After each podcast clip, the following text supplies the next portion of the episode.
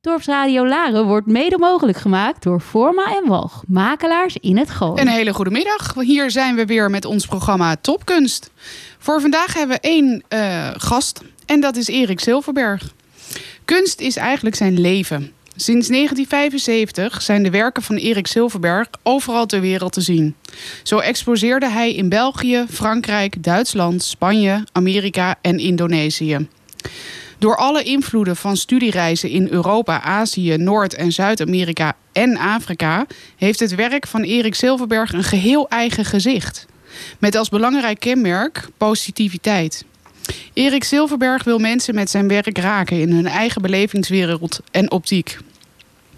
De kunstenaar vindt het belangrijk om tijdens het werken in gesprek te komen met zijn onderwerp en materie. Waardoor een dialoog en monoloog vanuit het hart ontstaat. Want kunst moet volgens de kunstenaar een ziel hebben en vanuit het hart komen. Het moet als een zigeuner zwerven door zijn geest. Naast een passie voor schilderen heeft Erik Silverberg een passie voor het maken van bronzen beelden. De beelden worden behandeld met een mooie patina, waarmee een schilderachtig effect in de beelden wordt verkregen. Kunstkenners zijn dan ook gefascineerd door de emotionele gelegenheid die steeds weer tot uiting komt in werken van de kunstenaar. Na vele omzwervingen heeft de kunstenaar bij het Rosa Spierhuis in Laren een plek gevonden waar hij samen met andere kunstenaars, muzici en wetenschappers woont, maar ook werkt en exposeert. Onder de naam Atelier Silver werkt Erik Silverberg samen met zijn zoon Mitja Silverberg. Een kunstenaar gaat nooit met pensioen. Een kunstenaar ben je met hart en ziel je leven lang.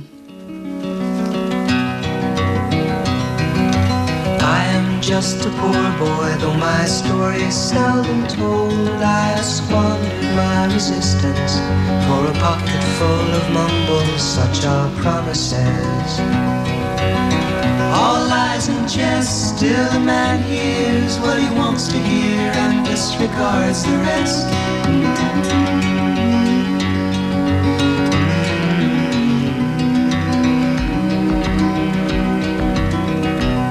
When I left my home and my family, I was no more than a boy in the company of strangers in the quiet of the railway station, running scared. Laying low, seeking out the poorer quarters where the ragged people go, looking for the places only they would know. La.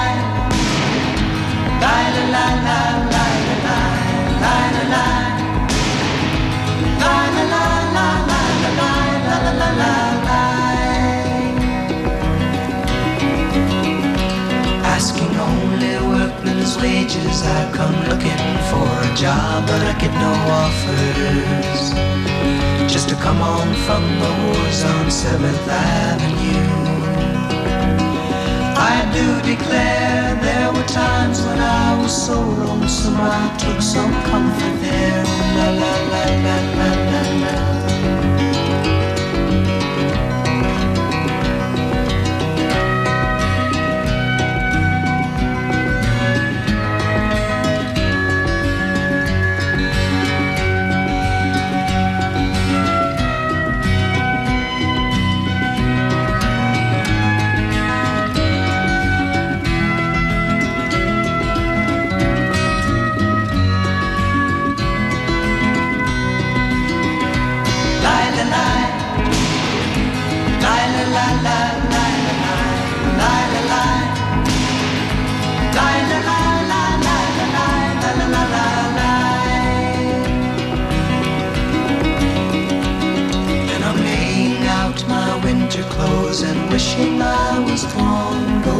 We zijn weer terug in de studio met mijn eerste gast van vandaag. Dat is Erik Silverberg. En zijn keuzeplaat was dit plaatje, The Boxer van Simon Garfunkel. Uit 1965 alweer. Het was uh, een Amerika Amerikaans zangduo, Paul Simon en Art Garfunkel. En als uh, duo kenden zij elkaar van school. En zij traden in eerste instantie op in de jaren 50 als Tom en Jerry. Dat wist je vast niet. Jawel. Ja, je wist het? Ja. Oké. Nou, en pas sinds de jaren 60 traden ze op als Simon en Garfunkel. En wie kent ze niet? Eh, Art Garfunkel wordt overigens ook wel de White African genoemd... naar de grote Smokey Robinson. Maar nu ga ik door naar onze gast. Erik, wat fijn dat je hier bent. Eh, van harte welkom. Ehm, we doen altijd een heel klein beetje de levensloop. We starten een beetje van... je bent geboren in, Amsterdam. in Amsterdam in 1941 alweer, las ik. Ja. Ja, ja, dus je hebt echt veel meegemaakt. Hey, en jouw gezin, had jij broers, hadden jullie zusjes? Eh, De tijd was ons daar niet gegund voor. Ik bedoel, eh, mijn familie heb ik nooit gekend. Dus Nee. we werden allemaal weggehaald. Ik ook. Ik ben eh, uit het eh, kamp gesmokkeld. Althans, eh, ik was al weggehaald door de Duitsers. En eh, iemand heeft, een Duitse vrouw trouwens, een vriendin van mijn moeder... heeft mij meegenomen onder haar rokken. En, ja, ja, ja, en zo is ze weggelopen.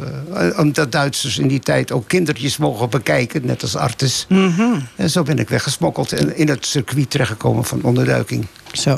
En je bent opgegroeid in een opvanggezin, begreep ik. Nee hoor. Nee? Oh, nee, dat is- Altijd eh, bij...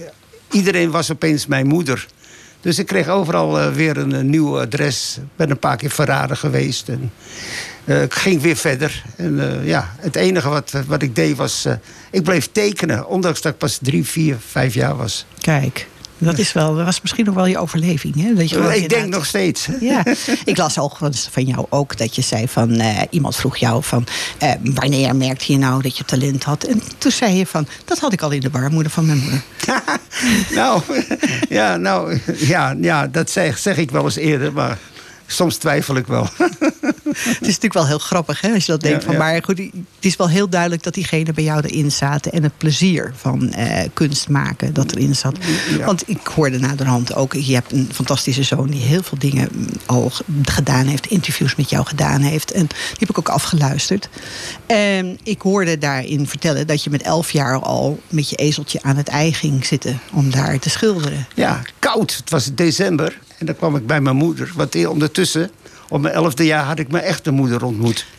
En eh, die zei ook, ik ben je moeder. En daar heb ik ook iets over geschreven van hoe herken je mijn moeder? Ja? Aan het geluid, aan het reuk, aan de ogen, wat ook. Had je dat ook? Herkende je haar ook? Nee, ik heb het nooit geleerd. En ik weet dat ik op mijn elfde jaar huilend thuis kwam van de kou. En dat mijn, vrouw, mijn moeder was echt rondborstig. En ik moest mijn handen dus onder haar oksels houden. Want die waren bevroren. En ik heb enorm gehuild, want dat deed pijn. Ja. Maar het ging mij om het schilderijtje. ja. Ja, en het was natuurlijk wel heel bijzonder dat je daar als zo'n klein mannetje al aan dat imposante ei gaat zitten. ja, ik ben weggejaagd, want ik zat op een boot waar ik niet mocht zitten. Ei. Dat is toch dat kleine beter straatschoffie, hè, wat erin bleef Eh, zitten nog steeds, nog steeds. Ja, dat is toch wat met de hele lijn door. Dat ik dan denk, ja, daar zit hij. Ja. Goed, en ik begreep dat je, je gaat in Amsterdam naar school. Ja. Eh, je mag daar op een gegeven moment overblijven. En dan kom je in het Stedelijk Museum terecht. Is, klopt dat, deze Ja, volgende nee, jaar? dat, eh, Ja. ik werd lid van, eh, van die groepen. Mhm. En ik had een vriendje, waar later ook een stuk muziek over terugkomt. En wij gingen samen, onder andere elke dag ons boterhammetje eten.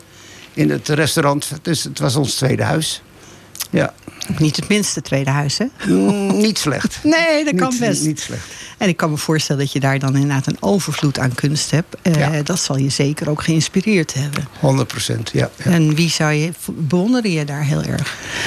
Ja, ik had dus wel een, eh, een voorkeur voor erg coloristische, verhalende mensen. Noem maar, eh, de eerste, de beste naam is niet een hele onbekende, een Chagall.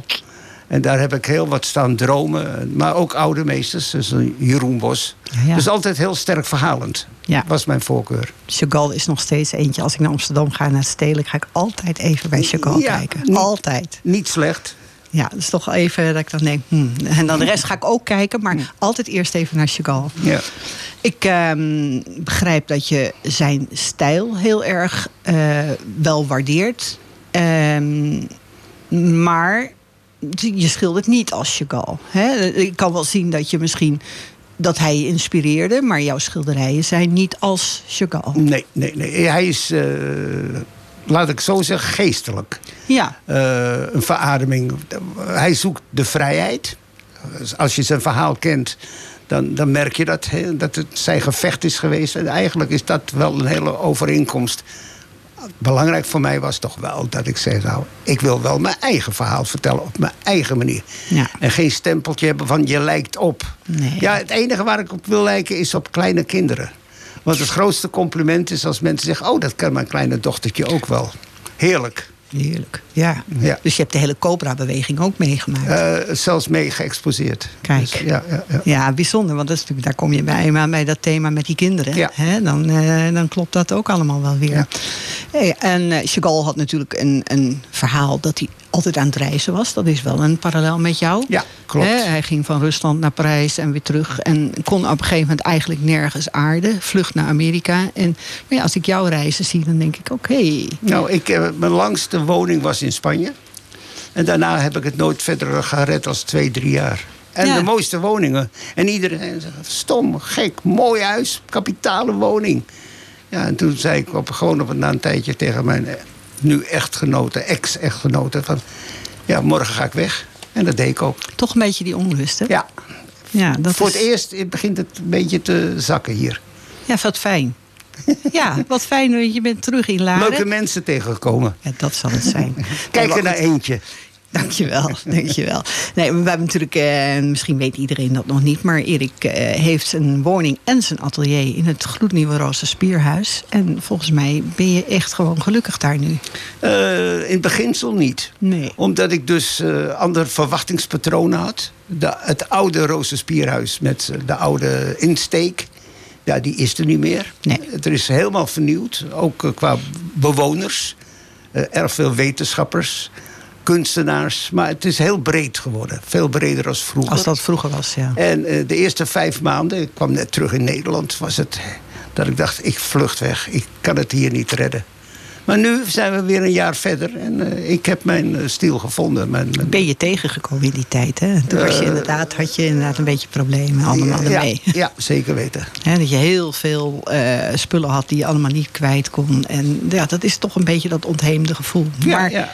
Inmiddels voel je je wel thuis. Inmiddels ben ik, ik zal niet zeggen een larenaar. Nee. Dan, had- dan hadden ze stadsrechten moeten hebben. Ja. Maar eh, ondertussen ben ik wel eh, eh, een larenaar. Ja, fijn. En wij vinden het fijn om jou weer in Laren te hebben hoor. Zeker. En zeker met jouw mooie kunstwerken.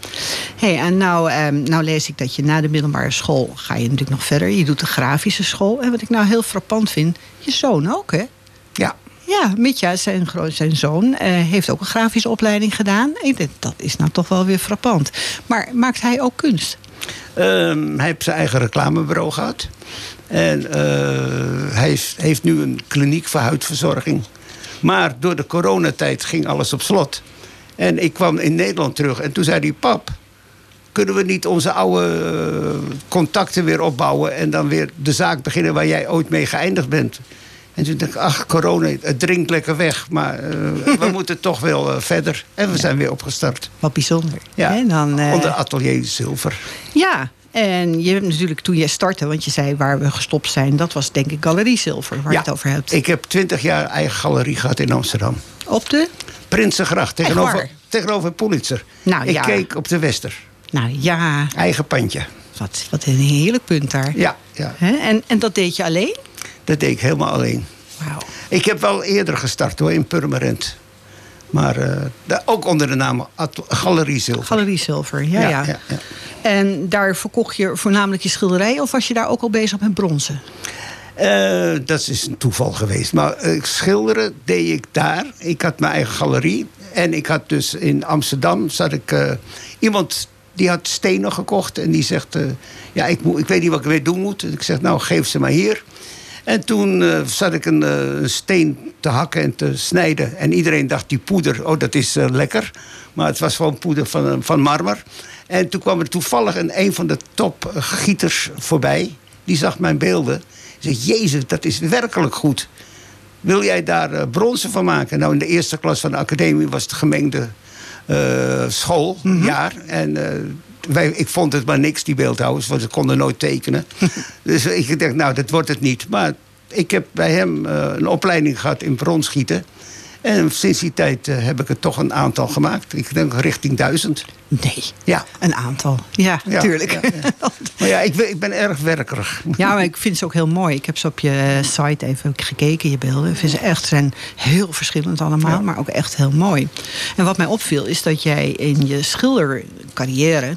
ehm, ook best wel eh, een lange weg hebt gegaan tot wat je nu maakt. Ik Ja. zag hele mooie dingen in de trant van Rembrandt. Ik zag musketiers. Ik zag dingen met, met Goya eh, erbij.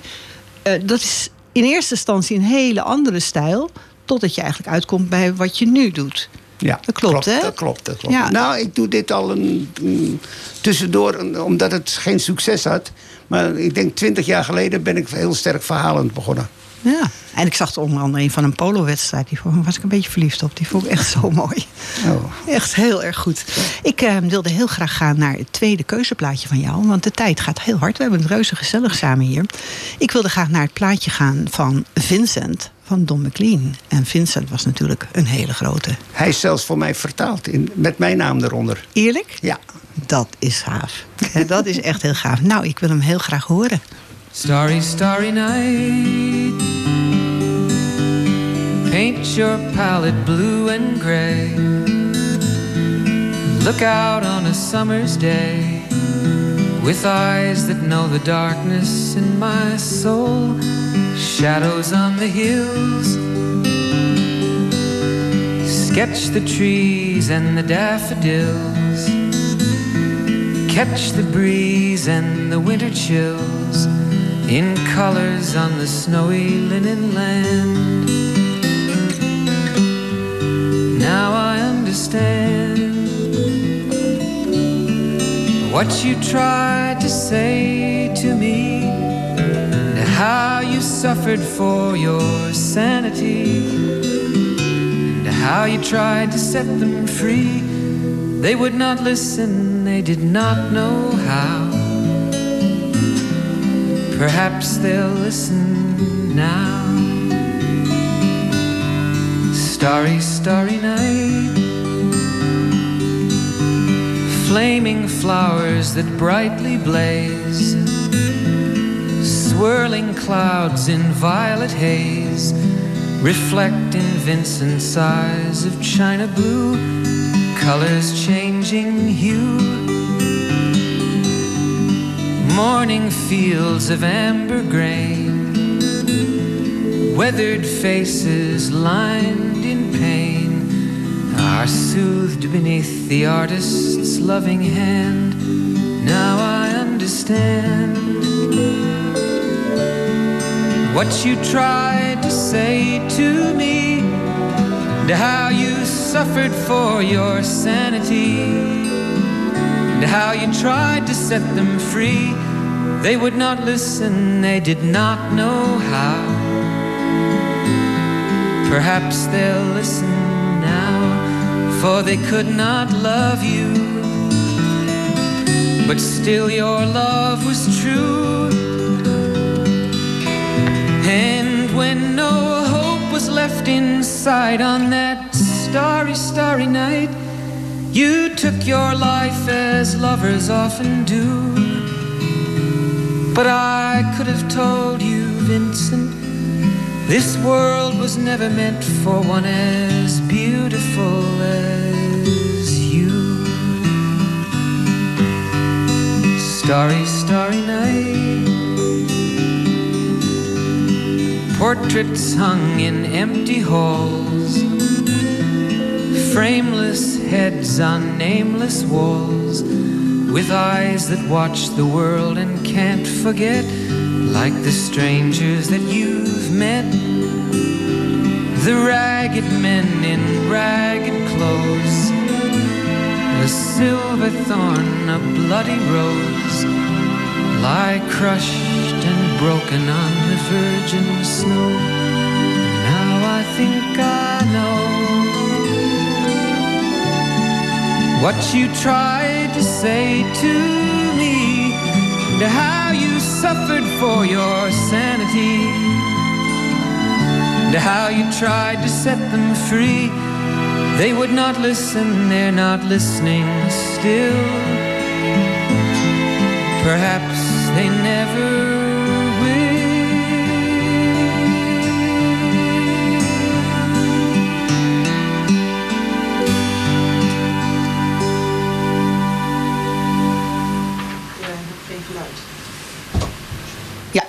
daar zijn we weer terug naar dit prachtige liedje van Don McLean. Eh, ik heb gewoon begrepen dat McLean is en niet McLean. Ehm, dus bij deze. Eh, het liedje Starry Starry Night, Paint Your Palette Blue and Grey. Eh, en nou hoor ik net van Erik dat dit liedje vertaald is zelfs naar jouw naam. En dat je dat bij een opening hebt gebruikt. Hoe bijzonder is dat? Nou, emotioneel. Ja, Dus dat vond ik wel heel bizar, omdat ik het niet wist. Was ook niet de eerste de beste die ze dan eh, ervoor hebben. Hè? Nou, het was eh, een simpele zanger, maar eh, hij deed het goed. Nee, maar ik bedoel eigenlijk meneer Vincent van Gogh, waar je Oh, naar verwijst. Hè? de- Met de Story Story Night. Ik heb ook een rode baard gehad. Ooit, Ja, ooit- kijk. Ooit eens. Kijk, hè? dus het was ook een goede keuze die ze hebben gedaan. In die tijd wel. Nou, dan had ik ehm, over jouw atelier, daar hebben we het net al even gehad bij eh Galerie Silver. Je hebt ook je eigen atelier, had je daar, hè? Ja. En nou is een atelier natuurlijk altijd heel erg persoonlijk van een kunstenaar. Maar de meeste kunstenaars mag je niet eens naar binnen, want het, oei, oei, oei, we zitten nog in het werkproces. Maar dat is bij jou niet zo. Nee, ik heb een andere. Ik wil groot, graag eh, delen. Ik heb ook zelfs eh, in Parijs gezeten bij Mont, Mont, Montmartre. Daar. En eh, portretten getekend. Dat En ik- deed je zelf? Ja, ik moest ook wat centen verdienen. Ik wilde doorreizen. Oké. En ja, dat, ik groei alleen maar als mensen om me heen zitten. Dus ik heb geen probleem daarmee. Nee, leuk. Hey, en eh, mensen mochten dus wel bij jou in het atelier kijken. Eh, verfklodders en toestanden, dat maakt niet uit. Je hoeft het niet netjes op te ruimen. Ze Nee. mogen gewoon kijken, dit is jouw wereld. Nog steeds. Fijn vind ik dat. Ehm, ik vind het nou zelf heel erg leuk om in ateliers te kijken.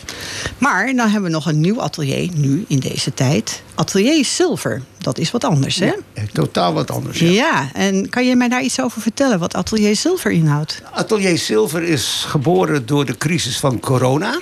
En eh, ik heb dat samen opgestart met mijn zoon Mitja. En die eh, zei, we gaan iets ondernemen. En we hebben dus ons ingeschreven onder een FOF. Vernootschap onder firma. En we hebben daaruit opgericht een galerie in Turnhout, België. En het officiële atelier in Nederland, dat heet het Atelier Zilver, gevestigd officieel in het Rozenspierhuis. Hey, en Turnhout, dat is waar jouw zoon woont? Turnhout is waar mijn zoon woont en waar we op de bovenste verdieping een eh, galerie hebben gemaakt. Althans, hij heeft het gedaan. want Ja. hij- ik doe weinig op dat gebied. Nou begrijp ik dat jouw zoon ook ongeveer jouw agent is, hè? Eh, niet alleen, maar nog meer. Ja. en hij golft ook nog aardig. Ja, en een hele mooie jongen om te zien ook. Dank hè? Dank je, dank je. Ja, hij is goed gelukt. Ik heb meer haar. Dat is waar, maar dat kan snel. ik heb Mitja niet ontmoet, maar ik zag hem wel inderdaad op, eh, op internet. Ehm, hartstikke leuk en wat fantastisch dat je natuurlijk zo'n samenwerking met je zoon kan hebben. Hoe leuk is dit? Het moet nog een beetje groeien. Eh, ook, mensen zijn een beetje bang.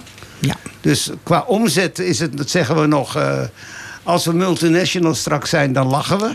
Maar nu is het nog nul-national. ja, precies. Maar dat komt wel, hè? Gaat goed komen. Kijk, en hij is natuurlijk toch wel een virtueus op gebied eh, van Facebook en van je reclame dingen. Hij maakt films met jou. En dan denk ik, wauw, dat is wel fijn als je dat hebt hoor. Want menig kunstenaar zit daar altijd met zijn handen in het haar. Ja, ja, die, eh, ik heb zelf namelijk voor een kunstenaar gewerkt en dat waren ook dat soort dingen.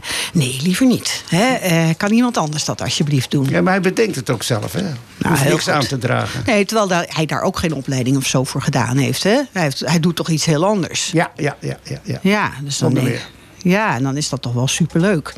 Hey, en dan eh, begrijp ik dat je dus eh, sinds 1975 ongeveer... dat je eigenlijk over de wereld gaat reizen, hè? Ja, in 75 heb ik mijn eerste eh, reizen gemaakt. En ook de eh, impressies daarvan natuurlijk meegenomen in mijn werken. Ja, en dan is het ook over de wereld. Het is niet zomaar over de wereld, maar je komt ongeveer overal. Eh, ik ben niet in de hoek van Australië geweest. Wel bijna. hè, Indonesië en eh, de Ja. landen daaromheen.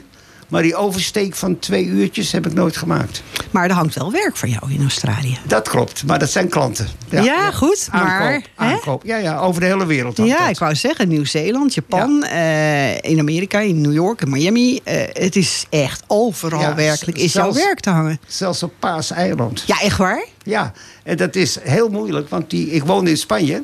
En ze kochten via internet kochten ze wat. Ik moest het opsturen en dat ging dus van mijn huis naar Valencia, Valencia naar Madrid, van Madrid naar Londen, of naar Amsterdam. Van Amsterdam naar Londen, van Londen naar. Nou ja. En toen eh, op een gegeven moment, eh, die mensen zeiden: Komt het nog een keer? Ik zei: Ja, u kunt het onder dat en dat nummer volgen. De Maar ja, track op- and trace. eh, ja, ja, maar het heeft wel twee maanden geduurd. Maar het was er. Uiteindelijk kwam het er en toen had de douane beslag gelegd. Nee, dat meen je niet. Ja, omdat het dus commercieel iets is, dat mag daar niet. En toen moest ik een papier eh, laten sturen dat ik ook de maker was. Dus dat het geen commerciële handeling. En toen mocht het. Ja, dan mag het wel, ja. Ja. Maar dan komt het op Paaseiland. Wie, koopt dat dan? Eh, wo- Die mensen woonden daar. die wonen gewoon op Paaseiland. Ja.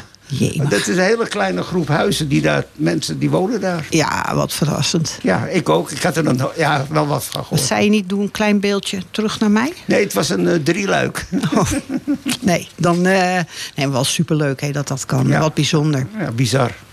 Nou, dan zeg je zelf, eh, door al mijn reizen voel ik me af en toe een beetje een zigeuner. Ik reis de zon achterna. Klopt. Dat is ook wel een beetje zo. Hè? Als ik de landen kijk waar jij je op richt, zijn allemaal landen van naar Spanje, naar Indonesië. Het is allemaal lekker zonnig. Ja, ik ben nooit op IJsland geweest. Nee, dat trekt mij ook helemaal niet. Hè? Dus, ik ben toch overigens wel naar Alaska geweest. Dat was toch wel indrukwekkend. Ja, ja. dacht ik inderdaad ook al boel koud. En dat was het niet. Was in mei was het daar gewoon lekker warm. En was toch wel indrukwekkend. Ehm, dan ga ik even verder. Want dan heb jij je stijl van werken. Je werkt in hele uiteenlopende stijlen. En is dat misschien ook een beetje met je geboorteachtergrond... dat je altijd zoekende bent? Klopt. Ik heb eh, collega's waar we het over gehad hebben... waarom wij niet op één eh, ding eh, gewezen konden worden... van nou, dat is typisch een Zilverberg. Nee. Omdat we dus... eh, die, die mensen uit mijn categorie leven... dus die oorlogsjaren meegemaakt hebben... als jonge jongen, die zijn altijd ook zwervend geweest in hun gedachtegoed. En dat is eindelijk nu bij mij een beetje gestopt. Eindelijk. Ja, ja. Heb je toch een beetje de rust gevonden? Ja, ja, ja. Ik, eh, omdat ik ook eh, me niets meer aantrek van mensen die wel of niet iets mooi vonden. En dat had ik wel heel snel. Op dat punt moet ik zeggen, ik was gewoon een broodschilder. Mhm. Soms. Nou ja, eh, er moet natuurlijk wel wat verdiend worden. Ja, hè? ja, Eh, ja, zonder meer. kijk, jouw, jouw grote zoon had destijds moest hij ook boterhammetjes hebben. Ja, hè? ja klopt. Dat moet klopt. toch allemaal wel gebeuren. En dan kan je op een gegeven moment zeggen... ik blijf alleen maar heel artistiek aan het werk. Maar als er geen eten is, is het heel vervelend. Ik heb best wel een aantal thema's aangepakt die dus commercieel interessant waren. Voor mij. Tuurlijk. Ja. Tuurlijk, het zou ook gek zijn als je dat niet zou doen. Ja. Ik bedoel, en dan is het gelukkig niet zo ver gegaan als een Herman Brood... waar ik dan op een gegeven moment een broodrooster koop... met een plaatje van Herman Brood erop. Nee, nee. Of Nou, sokken van Corneille. ik, heb wel, ik heb wel eh, koffers beschilderd. Reiskoffers. Ja, dat vind ik dan wel weer geestig. En ik heb ook afgelopen week een cap, een paardencap beschilderd. Kijk. Dus Ja, maar dat, dat vind ik weer geestig. Maar ik bedoel het niet dat het als het commercieel hup Nee, bij de blokker en daar kopen we de broodroosters. Ik heb gaat het wel- me een beetje. ik heb wel een uitnodiging van Bruna gehad. Voor kalenders. Ja. Maar dat heb ik geweigerd. Nou, ik vind een kalender vind ik nog tot daar aan toe. Eh, maar ik, ik heb Beetje misschien, misschien een beetje moeite met het massa gebeuren. Ja. Kijk, één cap vind ik heel erg leuk. Hè. Eén onderwerp, superleuk. Maar niet als het daar in de stellingen ligt. Hè. Nee, nee. Dan vind ik een beetje jammer. Hebben we ook geweigerd. Ja, dat kan me voorstellen. Goed, dan eh, zag ik ook op een gegeven moment, eh, ben je werk een beetje doorgegaan. Nou, we hebben het al net gehad over dat je ook dus wel eens terugging naar de klassieke werken. Hè? Dat je op een gegeven moment een schilderij maakt van in de stijl van Rembrandt. Een soort moderne nachtwacht. Ik vond het heel verrassend. Ja, nou, eh, ik waardeer de oude meesters bijzonder. Ik ben geen nieuwe meester, maar ik, ja, ik Eigenlijk waardeer wel, hè? Eh, ik zie mezelf anders dan andere mensen mij zien. Ja, maar ik vind je wel, je bent echt, jouw werk, je zegt wel van niet, maar jouw werk is zeer herkenbaar. Dus je bent wel zeker een meester van deze tijd. Hoop, hoop ik. Nee, zeker wel. Ik zou zeggen, laten we een borrel gaan drinken. Gaan we doen, aan het einde. Dan drinken we zeker die borrel. Die nachtwacht, kan je me daar iets over vertellen? Het is je inspiratie. Het is, eh, ik zie inderdaad de opstelling natuurlijk wel... Van de kapitein die er staat. En, maar het is zonder meer niet de nachtwacht. Het is echt jouw stijl helemaal. En wat heb je daarmee gedaan? Heb je het naar de moderne tijd gebracht? Wat deed je ermee? Nou, het was nog veel. Alles is heel simpel te verklaren. Ook iemand die dus zegt: ik ga een gele periode. Ja, ik heb toevallig een beetje te veel geel ingekocht. Dus ik begin nu met mijn gele periode. Of een rode periode. Zo ook bij de nachtwacht. Eh, Rembrandt was 400 jaar. Uh, leefde die in Amsterdam. En ik werd gevraagd om uh, een serie uh, Rembrandt-achtige werken te maken, te vertalen. En die heb ik toen ook geëxposeerd in het kader van het 400-jarige herinnering aan Rembrandt. En zo ontstond dus deze serie uh, Rembrandt-achtige werken, maar dan met mijn eigen visie erop. Ja, wat leuk dan. En zo zie ik in die stijl, zag er nog eentje, die, die heb je ook wat over verteld toen. Dat heette uh, De Vrouwen van Botticelli. Ja. He, een beetje gebaseerd op La Primavera, ja. he, die er toen was. Maar daar doe je dus echt iets bijzonders mee. Hè? Dan heb je, je schildert niet alleen maar de primavera, de, de mooie vrouw. Je, je, gaat er echt iets mee doen. Uh, ja, ik heb wel geprobeerd mijn eigen drie vrouwen te schilderen. Waar ik dan mee getrouwd was. En, maar verder heb ik... Uh, Geen krassen er doorheen? Nee, nee, nee. Die krassen zaten op mijn ziel. Ah, Oké.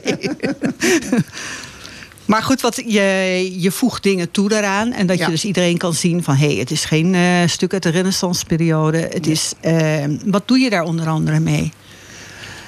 Uh, nou, ik wil gewoon. Uh, ik, ik, vecht altijd voor mijn vrijheid.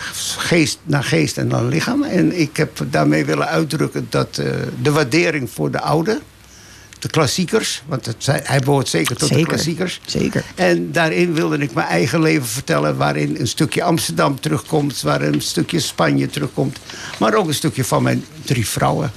Leuk hoor. En ik zag bijvoorbeeld op dat ding ineens een hele moderne flat staan. Ja, op de achtergrond staat een flatgebouw. Ik vind dat reuze grappig. ja. Dan denk ik, oké, even terug naar de tijd. Het lijkt oud, maar het is van nu. Ja. Heel erg leuk gedaan.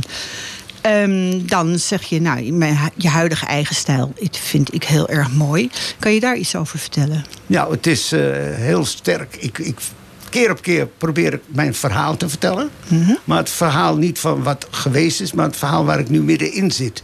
In dat proces. Mensen die ik tegenkom, mensen die uh, indruk maken, mensen die ideeën hebben, die ik dan uh, opsla. Van de week was iemand, een van mijn collega's die daar woont, en die zegt, uh, liet zijn werk zien. Ik zeg, hé, hey, jij werkt van plaatjes. Tuurlijk, zegt hij, werk ik van plaatjes. Uh, jij toch ook? En toen moest ik heel nadenken. Ik ja, je hebt eigenlijk gelijk. Hij zegt, ja, maar ik zie ze niet liggen. Ik zeg, nee, maar ik sla ze op in mijn hoofd. Dus dat is het verschil. Dus ik sla Zijn, iets op. Als ik naar jouw schilderijen kijk, dan het kost altijd wel even moeite om, om even. Je kan niet zomaar even langs de schilderij van jou lopen. Dat kan niet. Je moet echt wel even ervoor gaan staan en kijken wat je nu werkelijk neerzet. Ja. En ik heb toch het eerste wat me altijd te binnen schiet, is altijd een beetje de monstertjes van Jeroen Bos. Nou, ik heb in Madrid gewerkt. Ja. En ik zag elke dag liep ik inderdaad uh, langs de tuin der lusten. En, Prado. En, en, Prado. Ik heb dus drie maanden in het Prado mogen werken. Jo. En alleen maar, nou, het stelde niet zoveel voor in mijn gedachten. Maar ik mocht dus kopiëren, technieken leren. En uh, dat heb ik gedaan. En ja, uh, onder, je wordt toch wel een beetje, neem je zulke dingen dan mee. Uh, maar dat zeg ik ook. Het mooiste vind ik altijd als ik een tekening heb achter glas en er staat een dame voor en die kijkt alleen maar naar het glas om te kijken hoe mooi ze opgemaakt is, denk ik, ik heb het gelukkig toch gemaakt. Jongens, jongens, hè? dat zou wel heel erg zijn.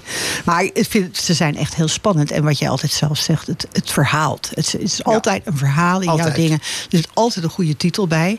Hè? Dat je dan denkt, Oké, okay, ja. En ja, met jouw uitleg erbij wordt het natuurlijk nog sprekender. Ja, maar het is de warm van mijn zoon. Want mijn titels die verander ik vaak ter plekke.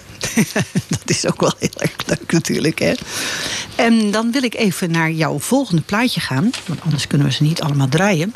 Dat is een plaatje van Dimitri van Toren. Een lied voor kinderen. En jij zei me, ik heb dit gekozen omdat ik zelf toch altijd een beetje het kind blijf. Het straatschoffie. En ja. daarom willen we graag luisteren naar deze troubadour.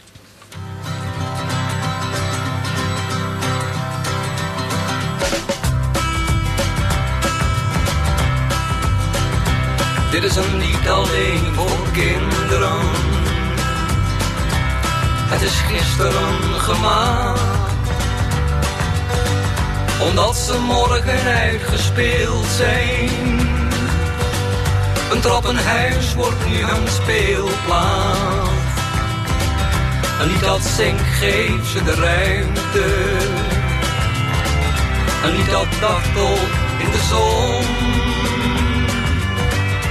Over dichtbij zijn de polders. Een liedje zomaar andersom. Over een stad die autovrij was. Met een muziektent op de markt. En een levensgrote speeltuin.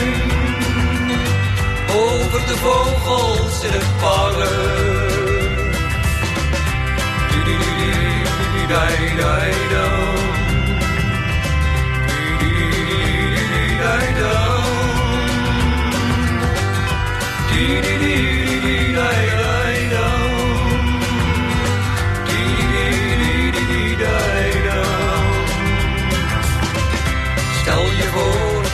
Spelen. Op de straten, op het plein ongestoord kon je er hinkelen. De stad zou helemaal van jou zijn. Ergens hoor je kinderen tellen. Je telt mee 8, 9, 10. En je hoort naar al die jaren. Wie niet weg is, is gezien. Dit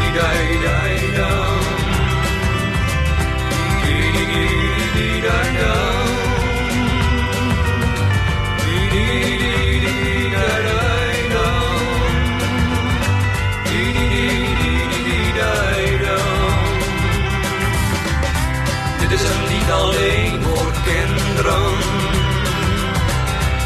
In het land van koning welvaart. Morgen zullen ze niet meer spelen. Een stadsvogel vrij verklaard. En niet voor kleine zielige vogels. Die als kinderen zijn vermomd. Wier vleugels men heeft kort geknipt.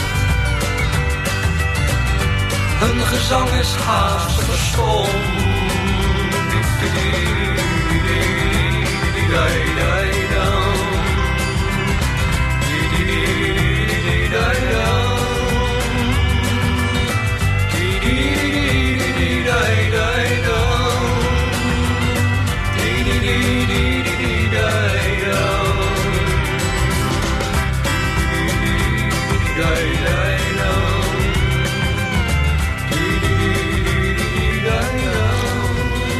Ja, en dat was het leuke plaatje van Dimitri van Toren. Kunnen jullie hem nog herinneren? Het was een troubadour, maar hij is in 2015 al helaas weer overleden. Hartstikke jong. Hij had onder andere ook dat liedje van Hey, kom aan, blijf niet staan. Vond ik altijd reuze leuk. Um, Erik, um, ik heb altijd, vraag ik een beetje aan de mensen... wat zou je nog willen bereiken? En toen gaf jij mij als antwoord... ik hoef niet meer zoveel te bereiken. Ja, klopt. Maar? Uh, corona. Ja, dat komt er. En jij zegt, ik wil me heel graag omringen met mensen die me inspireren. Dat vind ik fijn. Klopt. En Rozenspier, kan die daar een rol in spelen? Mm, gedeeltelijk. Gedeeltelijk. Het is nog niet helemaal de vrijheid die je zoekt, hè? Nee, nee, nee. nee. Ik vind het, uh, ze, ja, er zijn veel wetenschappers daar. En ik heb natuurlijk met wetenschap niet zoveel. Beetje, nee, dat kan ik Het is een andere wereld. Ja, dat kan koude, koude wereld. Ja, en altijd erg op zichzelf, hè? Met uh, ja, heel druk. En jij bent natuurlijk wel een, een expressief, uh, expressief, iemand. Je wil naar ja. buiten toe, je wil het laten zien. Ik had gehoopt daar kunstenaars dat we op de tafel sprongen en gek deden en uh, weer jong werden. Maar ja. Ik ben wel jong, maar die anderen niet. Een kunstenaar gaat immers nooit met pensioen. Dat bedoel ik. Dat is wat jouw, jouw motto is. Hè? Een kunstenaar ben je met hart en ziel, je leven lang. Ja. Maar niet al jouw medebewoners zijn dat ook. Nee, nee kan Nee. ook niet anders natuurlijk. Nee, dat kan ook niet. Dat is een van de problemen met Roze Spier natuurlijk geweest in al die tijd. Vroeger was het eigenlijk, als een kunstenaar met pensioen had, had hij geen geld. Daar was Roze Spierhuis voor opgericht. Dus met Ja. 65 had je toch nog een ruimte en een atelier dat je kon werken en daar kon wonen. Ja. Dat is natuurlijk een beetje veranderd. Want mensen van 65 gaan niet naar Roze Spier. Nee, nee, nee. Hoewel daar wel ook jongeren zitten. hoor. Ja, zijn er wel. Maar eh, laten we zeggen, het Rozenspier van voorheen op de Essenboom. Daar wonen geen mensen van 65 hoor. Echt niet. Nee, plus. Ja, 65 plus, ja. Plus, plus, plus. Maar ik kan wel eh, zeggen, het is een goed leefklimaat. Zeker. Zeker. Er zijn verkeerdere plekken in Laren te vinden hoor. hey, en nou heb ik ook altijd even de vraag van... eh, dit heb je nu bereikt, daar ben je blij mee. Ehm, maar heb je nog een droom? We hadden het over van zou je nog iets willen realiseren? Zei, nou, dat, dat is niet realistisch om daar nou nog over te gaan praten. Van wat wil ik nou nog gaan realiseren? Ik heb echt de meest fantastische dingen gedaan. Maar ik heb nog wel een droom. En dan ga ik eigenlijk naar de droom dat je wel eens naar Rembrandt zou willen gaan. En eens even zijn licht mee willen maken. En zijn kleuren in, in een paar zakjes doen. En toen wou je er iets heel speciaals mee gaan doen. Met die zakjes, met die kleuren. Wat wil je daarmee gaan doen? Nou, ik wilde ze gewoon eh, gebruiken op de klassieke manier zoals zij gedaan het. En dan vertalen in mijn eigen taal. En die dingen, die, eh, die probeer ik nog steeds. eh, als je mijn laatste werk ziet, dan probeer ik echt met stofuitdrukking. Heel klassiek op te bouwen, ook met onderlagen. En eh, ja, ik probeer dus niet eh, modegericht te werken in tegenstelling. Ik eh, probeer juist oudmodisch te werken, naar de oude klassiekers. Ja, Althans, het, niet, niet de onderwerpen, een beetje. Hè, want ik heb toevallig net opium geschilderd. Maar dan helemaal in mijn eigen taal. Maar wel net het Mechels kant. Ja, en mooi. dat soort dingen. En dat vind ik wel een uitdaging om dat te vertalen in het nu. Die heb ik nog niet gezien. Die wil ik wel een keertje komen kijken natuurlijk bij jou in je atelier. Je kan hem straks zien. Ja, dat vind ik wel echt heel erg leuk. Nou begreep ik ook, dat hoorde ik tenminste. Misschien zeg je wel, nee, wat een kwatsch. Maar van tegen mij zei je van... ik zou heel graag een keertje echt door die tuin der lusten willen wandelen van Jeroen Bos. En dan een keertje al die kleuren van Rembrandt kunnen gebruiken. Nou, als je in mijn atelier komt, hangt er een soort eh, groot drieluik. à la eh, de tuin der lusten. Hangt bij mij op de gang in mijn atelier. Zelfde mate, ook twee kanten geschilderd, maar dan heet het mijn tuin. Kijk, En eh, daarin zitten mijn verhalen en mijn gektes en mijn dingen die ik meegemaakt heb. En zo had Jeroen Bos eigenlijk precies dezelfde theorie. Ik ook. Alleen in zijn tijd, alles tijdgebonden. ja. Dus eh, dat is wel de vergelijking. Hij schopte ook overal tegenaan, hè? Eh, dat denken de mensen dat ik het ook doe. Ik geloof het wel, maar ik geloof het zelf, eh, zelf niet.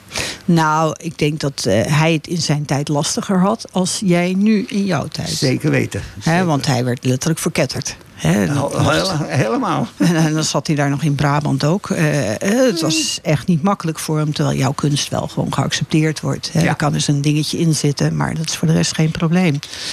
Ehm, even kijken. Dan heb ik, ja, dat is nog iets heel bijzonders. Iets een hele andere kant van jou. Is dat je ook nog een project hebt gedaan samen met Dick Bakker, de componist. Music and Art. Ja. Wat heb je daarmee gedaan? Nou, eh, wij wilden dus, eh, of wij, eh, mijn zoon die ontwerpt dan de ideeën. En die wilde dus eh, bepaalde muziek hebben. We hebben daar overleg gepleegd met Dick Bakker. De componist, dirigent en muziekmaker. En die zegt, ik ga... eh, we hebben ook een beetje de uit, hij heeft dan een beetje de uitleg gegeven hoe hij de film ging opbouwen. En die heeft dus eh, uit het, van het Philharmonie Orkest uit Londen heeft hij de muziek gehaald waar hij de auteursrechten van heeft. En daar heeft hij tien eh, muziekstukken van gemaakt. Met andere ritmes, maar wel allemaal hetzelfde thema. En daarop hebben we dus een film gemaakt waarin wij beginnen samen. Hij schermt dan met zijn eh, dirigentenstok. En ik heb dan een, een, eh, grote kwast in mijn hand, een penseel. En daar gaan we dus het gevecht aan. Dus we doen net als schermers. En zo dansen we een beetje samen door de film heen. En later laat hij dan de originele partituur zien.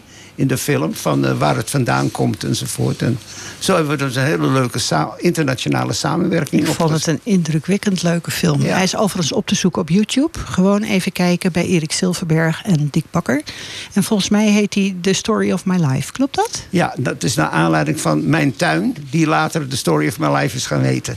Dat dacht ik dus. Ik dacht dat is vast de verbinding erbij. Ja, klopt. Maar het is zeker de moeite waard om even deze film te kijken. Je leert heel veel over jou, over je werkwijze. Het is een heel schilderij wat je aan het maken bent ter plekke.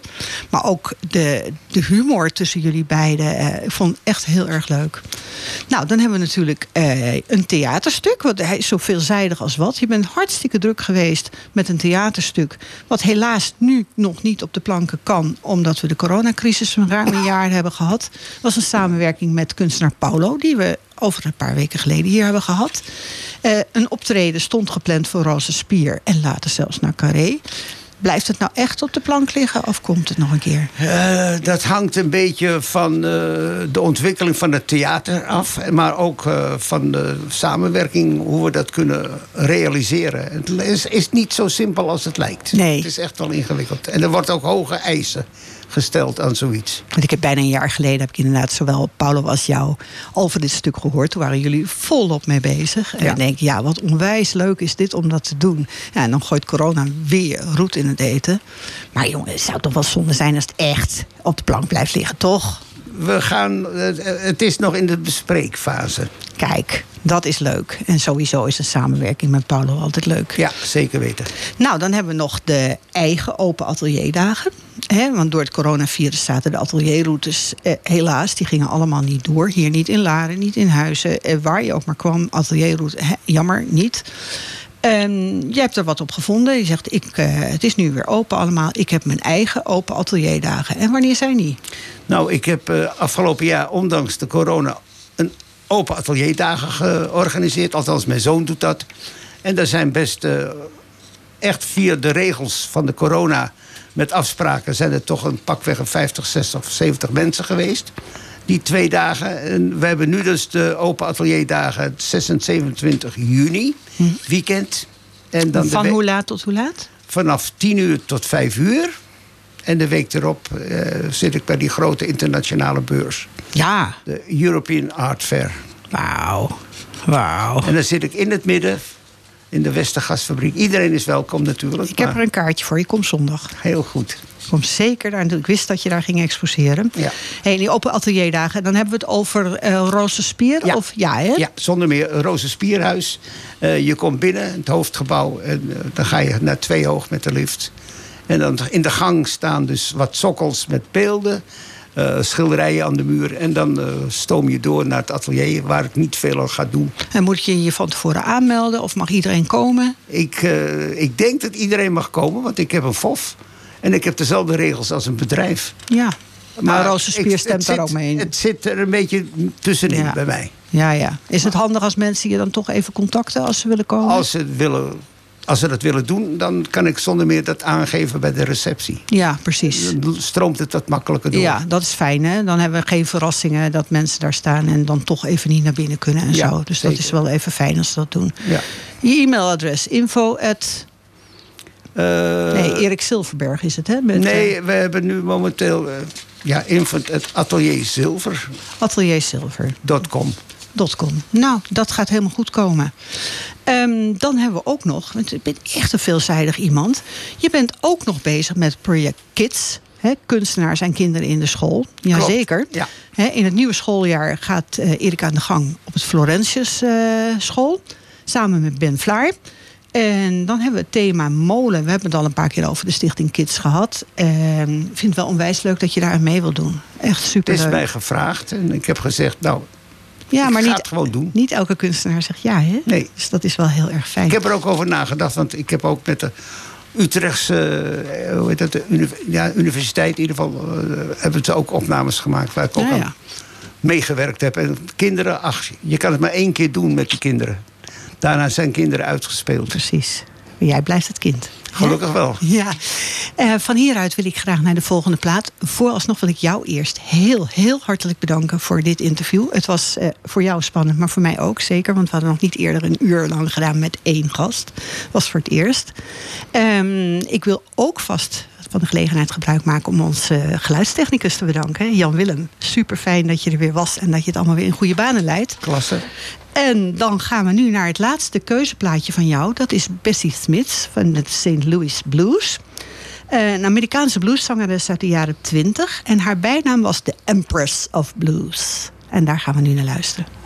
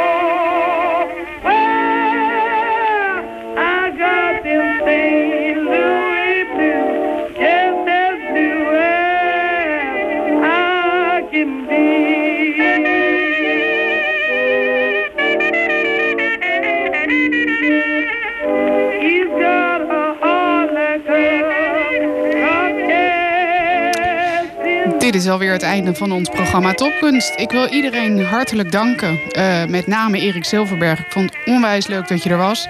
Weer heel veel geleerd vandaag. En ik zou zeggen, tot volgende week.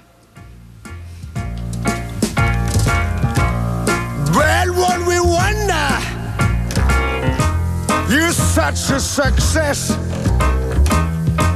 You're pretty secretary. She say you are the best.